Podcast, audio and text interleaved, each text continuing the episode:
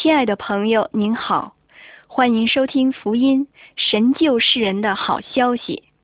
请看着书上的图画，留心听我的解说。您听到这个声音，就请翻到下一页。图画一：创世之初，天地万物尚未形成的时候，到处一片混沌黑暗。除了神以外，什么都没有。神创造天地，命令光出现。神造太阳，管白天；月亮星宿，管夜晚。神是良善的，他统管一切。图画二：神的话语。图中的那本书就是圣经。圣经是神的话语，告诉人有关神的性情和作为。神爱世人，但罪破坏人和神的关系。圣经告诉人怎样与神和好。以下所讲的都记载在圣经里。图画三。创造，神创造了天地万物，他所造的本来都是好的。神造了大地、山川、海洋与河流，并且造了各种生物，就是海里的鱼、空中的鸟和地上的各种走兽、昆虫。神很满意所造的一切，因为都造得非常好。图画四：亚当和夏娃。神造了世上第一个男人和女人，叫亚当和夏娃。神赐他们管理万物的权柄，他们都是神的好朋友。神赐他们生活在乐园里，并常常与他们交谈。除了善恶树的果子。神准许他们吃园中所有的果子，但他们违背神的吩咐，吃了神不准他们吃的果子，犯罪破坏了他们与神的关系。因此，神惩罚他们，把他们赶出乐园。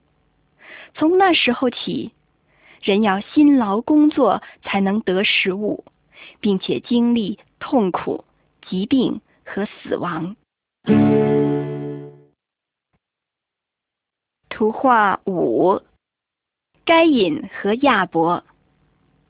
亚当和夏娃后来生了两个儿子，叫该隐和亚伯。该隐妒忌亚伯，一天，该隐把亚伯杀了，神因此而惩罚该隐。人犯罪，伤透了神的心。破坏了人与神的关系。图画六：挪亚方舟。一代接一代，亚当的子孙渐渐繁多，但他们都犯罪，违背了神。人的罪越来越严重，神决定用洪水来毁灭人类。那时候，只有一个人敬畏神，跟从神，他就是挪亚。神吩咐挪亚造一只方舟，要用这只方舟拯救挪亚一家。挪亚造方舟的时候，不断的警戒身边的人，向他们讲述神的公义和审判，但没有人愿意听从挪亚的警告。他们都不改过，仍然作恶，结果遭到洪水毁灭。图画七：洪水。神吩咐挪亚，将各种飞禽走兽都带几只进入方舟。挪亚和妻子、三个儿子和媳妇都进入方舟，然后神把方舟的门关闭了。神降下极大的暴雨，又使水从地的深处涌出，于是洪水泛滥在地上。这个时候，人们想得救，但已经太迟了。挪亚一家因为躲在方舟里，所以都很安全，但在方舟外面的人都淹死了。挪亚一家得救，因为他相信神，顺从神的吩咐。图画八：亚伯拉罕、萨拉和以撒。又过了许多代，挪亚的后裔变成许多种族。有个叫亚伯拉罕的人，很敬畏神，听从神。神应许亚伯拉罕的后裔成为大国。那时，亚伯拉罕和妻子萨拉没有儿女，但他们相信神的应许，年老的时候得了一个儿子，起名叫以撒。亚伯拉罕和以撒就是耶稣基督的祖先。耶稣基督来到世界，为了拯救世人。图画九：摩西与神的律法。亚伯拉罕的后裔成了伟大的民族，就是以色列民族。摩西是亚伯拉罕的后裔，也是敬畏神、跟从神的人。一天，神呼唤摩西到山上，赐他律法，教导神的百姓。摩西从山上下来，手拿着写有神诫命的石板。神愿意人人都遵守这些诫命。图画十十诫，十诫教导人要爱独一真神，并且顺服神。诫命不准人拜偶像。也不可将任何有形之物当作神，要单单敬拜独一真神。父母和子女都要一同敬拜，儿女必须顺从孝敬父母。不可杀人，不可贪恋别人的妻子，不可偷窃或贪爱别人的财物。神命令人要谨守诫命。图画十一，赎罪记。那时候，人犯罪违背了神的律法，就要向神献上一只羊羔做祭物，使那羊羔代替罪人而死。替罪羊象征神的儿子主耶稣基督。主耶稣来到世上。为代替世人的罪而死，他是神的羔羊，除去世人罪孽的。他为洗净人类的罪，被钉死在十字架上。人相信耶稣基督，向神承认罪过，并且悔改，神就必赦免人的罪。图画十二。神所应许的救主，很久以前，神就应许赐人救主。一天，天使来到一位名叫玛利亚的女子面前，对她说：“圣灵要临到你身上，你要怀孕生子，可以给他起名叫耶稣。”玛利亚是处女。已经许配了约瑟，但还没有迎娶。天使又在梦中向约瑟显现，对他说：“约瑟，不要怕，只管娶过玛利亚来。你要给儿子起名叫耶稣。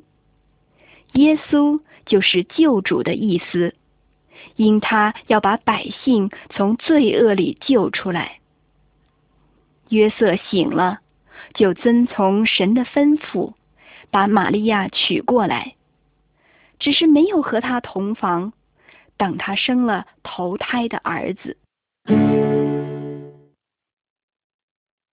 图画十三：耶稣降生。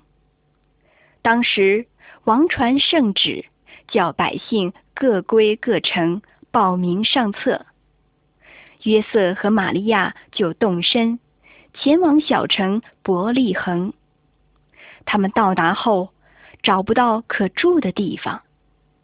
玛利亚的产期到了，就生了头胎的儿子，用布包起来。放在马槽里，因为客店里没有地方。在伯利恒的野地里有牧羊的人，夜里正看守羊群。天使向他们显现，报告救主降生的大喜信息。又有天使在天上歌唱赞美神。牧羊人就急忙起身去见救主。图画十四：耶稣的教导。耶稣十二岁的时候，与当时以色列的教师和领袖谈论神的道。耶稣留心的听他们说，又不停的发问。教师和领袖们。都惊奇耶稣的应对。耶稣长大后，教导人认识神。有些人相信他的教导，并且跟从他；有些人却不相信，甚至反对他。神要人相信，并且跟从耶稣。图画十五。耶稣行的神迹，耶稣有行神迹的大能。左图显示，耶稣摸一个生来就瞎眼的人，他一摸，那人就能看见。中间的图画显示，耶稣当着孩子父母的面，使已经死的孩子复活。右图显示。耶稣能平静风浪，曾行走在水面上。主耶稣行了许多神迹，以大能证明自己是神的儿子。耶稣今日同样有能力帮助一切有需要的人。图画十六：耶稣受难。耶稣行了许多奇妙的事，因此很多人愿意跟从他。耶稣满有怜悯，他医治疾病，又教导人学习神的道。耶稣来，为要寻找拯救失丧的人，但心中邪恶的人憎恨耶稣，因为耶稣指出他们的恶。以色列人的领袖。妒忌耶稣，他们不相信耶稣就是神的儿子，于是捉拿他，鞭打他，以谎话诽谤他，又逼他戴上荆棘编的冠冕，耻笑他。虽然耶稣是神的儿子，完全有能力抵挡恶人，但他默默的忍受了凌辱，因为他来。为要拯救世人，代替罪人受刑罚。图画十七：钉十字架。士兵把耶稣钉在十字架上，他们竖起石架，把耶稣钉在上面，直到他断气。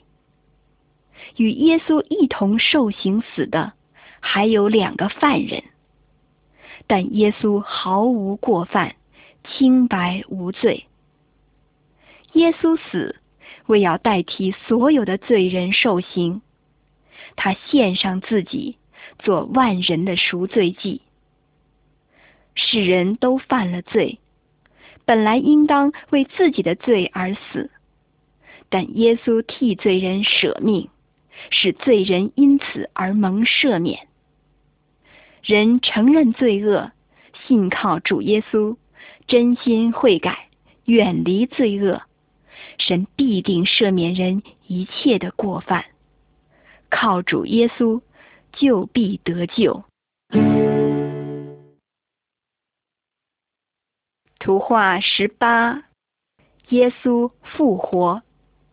耶稣死后，有朋友把他的身体取下来，安放在石头凿成的墓穴里，并用大石封了墓穴的入口。第三天，几位妇女来到墓前，为要行安葬的礼。不料，墓前的大石已经滚开了。耶稣的身体也不见了。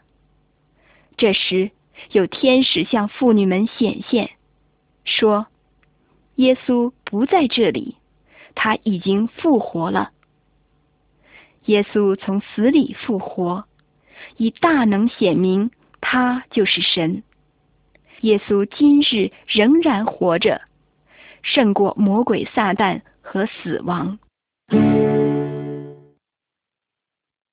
图画十九，多马信主。耶稣从死里复活后，有很多门徒都见过他，和他谈过话，一起吃过饭。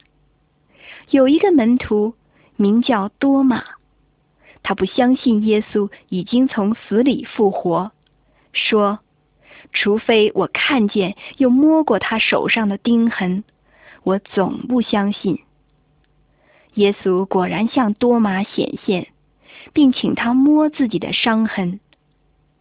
多马再不疑惑，立刻跪拜耶稣，呼喊他说：“我的主，我的神。”耶稣说：“那没有看见就信的，有福了。”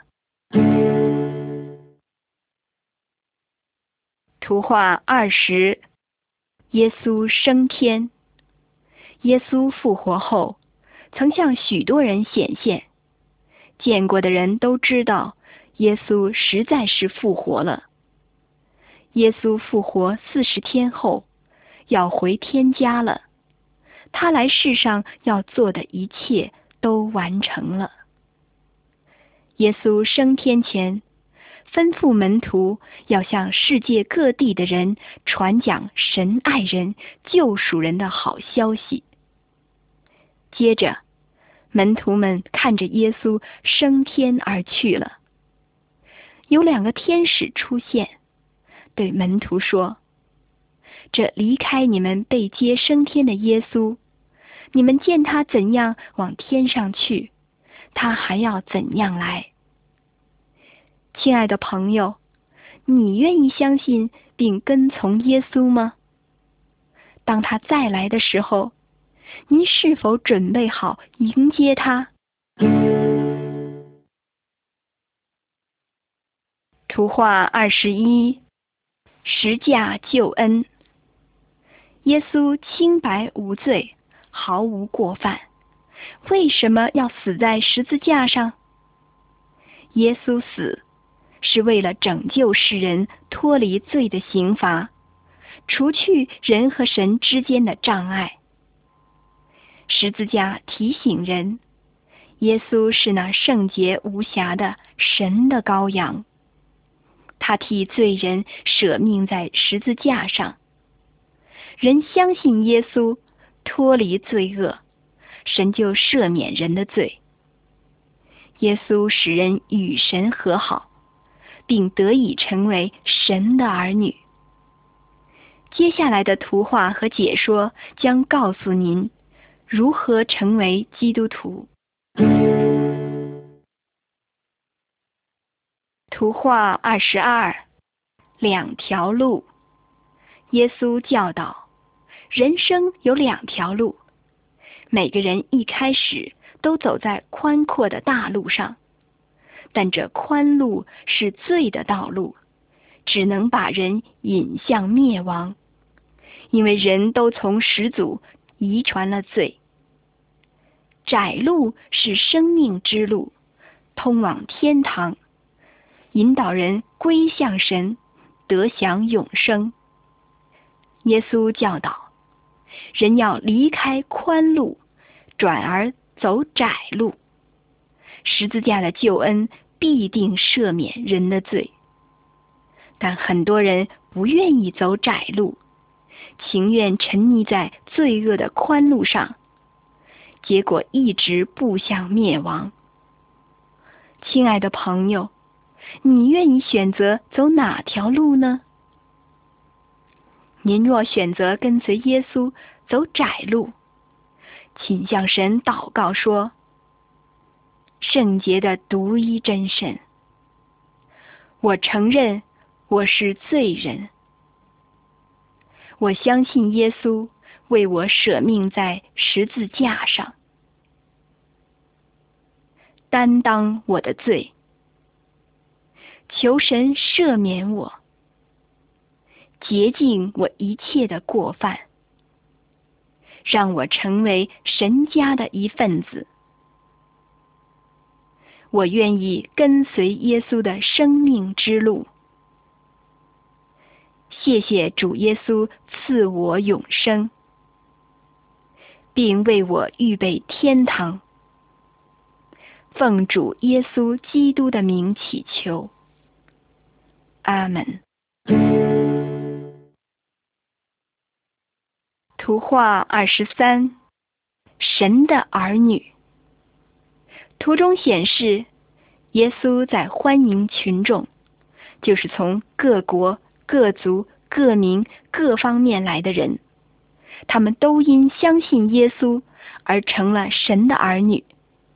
他们都走在通往天国的窄路上，得享永远的生命。神的子民不分彼此。都在主耶稣里合而为一，如同一家人。图画二十四，重生。耶稣还在世上的时候，一位犹太人的领袖来找耶稣，名叫尼哥底母。他想来听耶稣多讲一些关于神的道。耶稣告诉他。凡想进入神家的人，必须从神得新生命，如同再一次出生。血肉之躯乃父母所出，灵命得生乃神所赐。因此，相信神就有灵命的重生。人决定相信并且跟从耶稣，就成为新造的人。是神家的一份子。图画二十五，圣灵降临。耶稣回天家前，曾经应许赐下圣灵。耶稣升天十天后，门徒们聚集在一起。突然，圣灵降临，充满了他们每个人。正如耶稣所应许的，门徒们因此得着能力，能说不同的语言，使别国的人能明白神所做的奇妙救恩。圣灵住在每个真心相信的人心里，帮助人敬畏跟随神。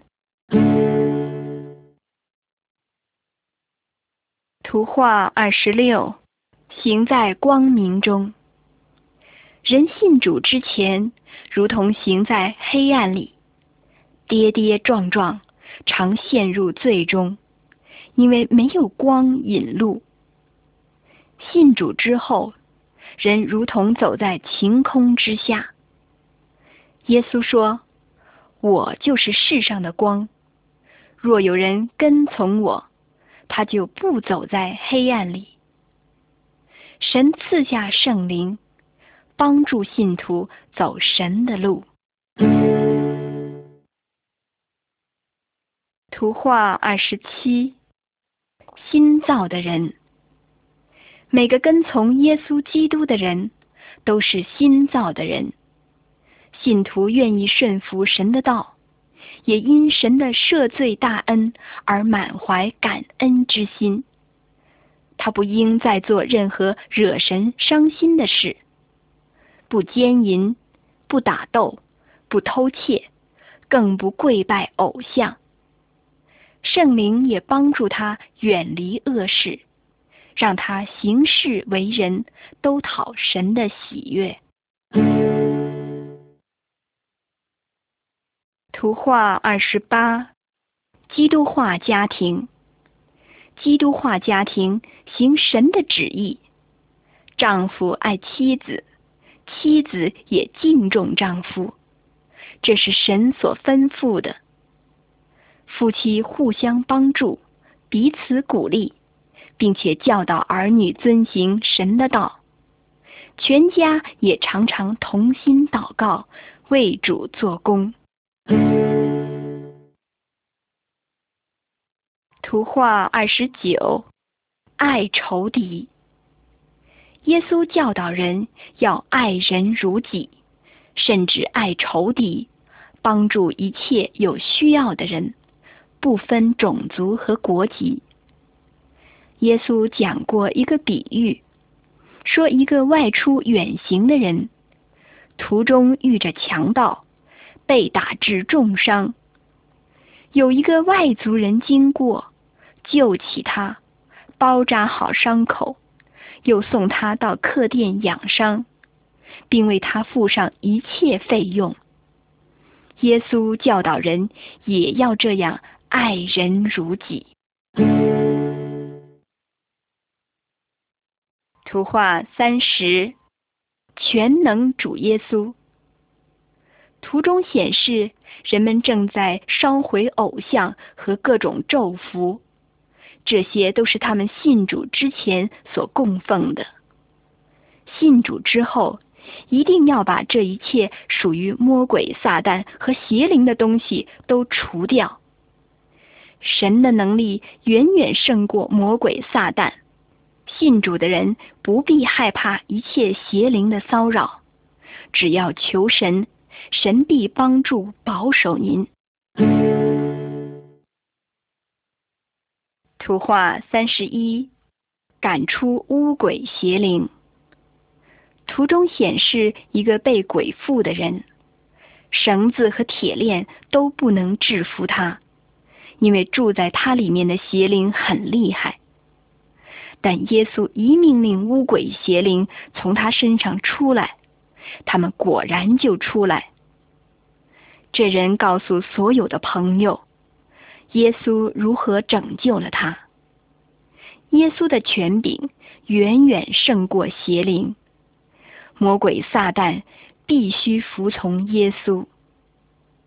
亲爱的朋友，您若遭到邪灵骚扰，可立时求告全能的主耶稣，赶走邪灵；也可以请其他信徒为您祷告。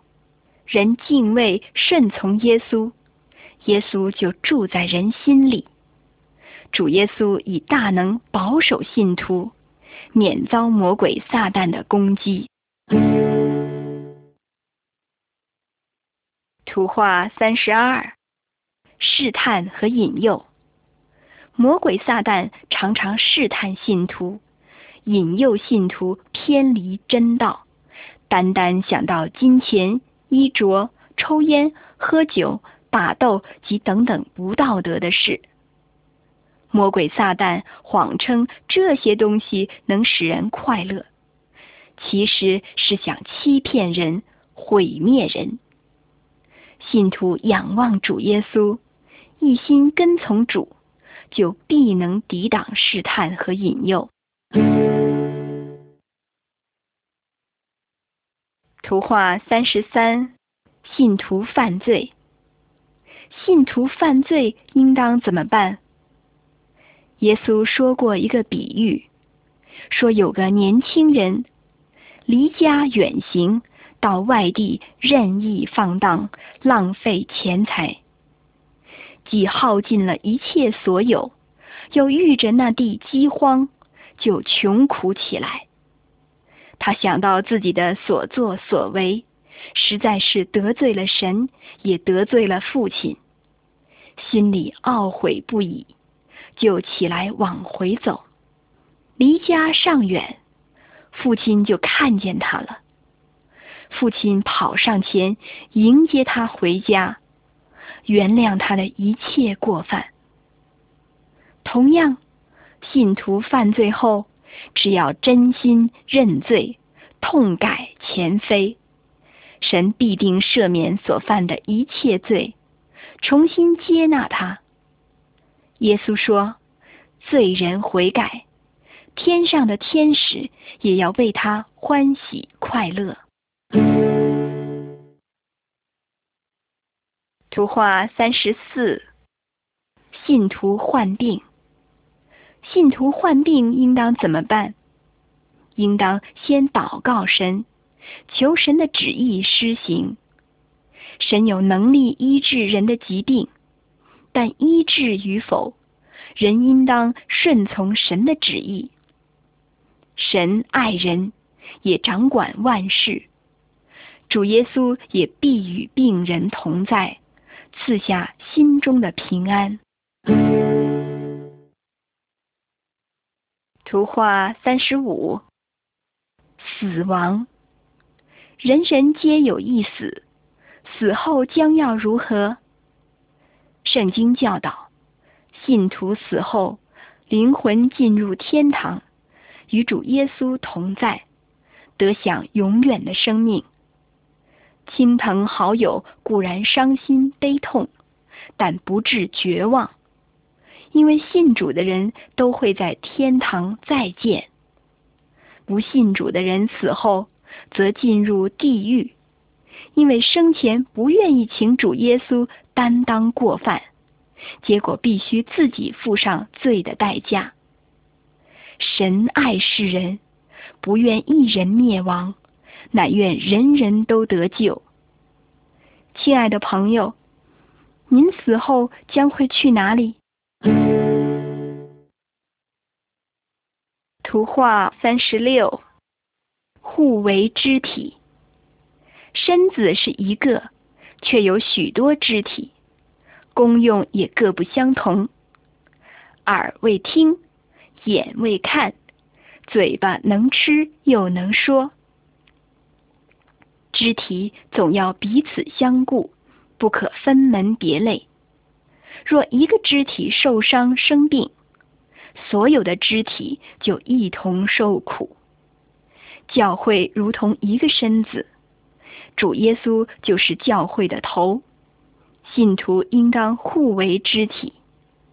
神加给信徒有不同的聪明才干，或教导，或歌唱，或帮助，或治理，都当同心合作，建立教会，就是基督的身体。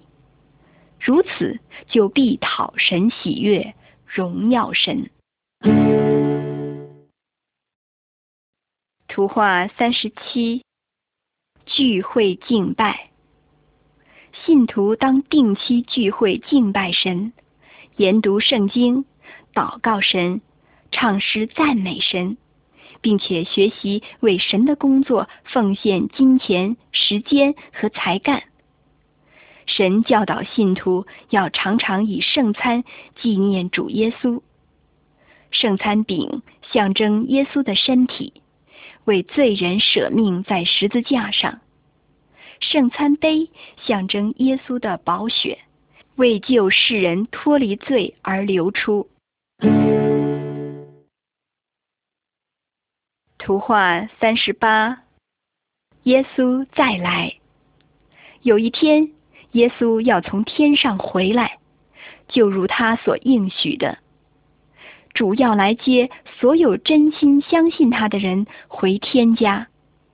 已死的信徒也会复活，与那还活着的信徒一同被提到云里，在空中与主相遇。这样，信徒就要和主永远同在。不信的人将留在地上，面对神的审判。耶稣再来的日子，无人知晓，因此人人都当做好准备。警醒等候，亲爱的朋友，如果耶稣今天就回来，您是否准备好迎接他？图画三十九，结果子。每个信徒都当结出圣灵的果子，如同图中的果树，硕果累累。耶稣说：“我是葡萄树，你们是枝子。常在我里面的，我也常在他里面。这人就多结果子。圣灵在信徒的生命里工作运行，帮助信徒结出圣灵的果子。”就是仁爱、喜乐、和平、忍耐、恩慈、良善、信实、温柔、节制。不结果子的枝子就被剪掉，丢在外面枯干。人拾起来，扔在火里烧了。信徒当多结果子，使天父得荣耀。图画四十，做见证。耶稣吩咐信徒要将福音传遍世界的每个角落，让人都知道神爱世人，并且拯救人的好消息。信徒顺服神，就必向他人传讲福音，圣灵也必帮助，赐给信徒有能力为主耶稣做见证。亲爱的朋友，您也可以向人讲述这本图书里所说的一切。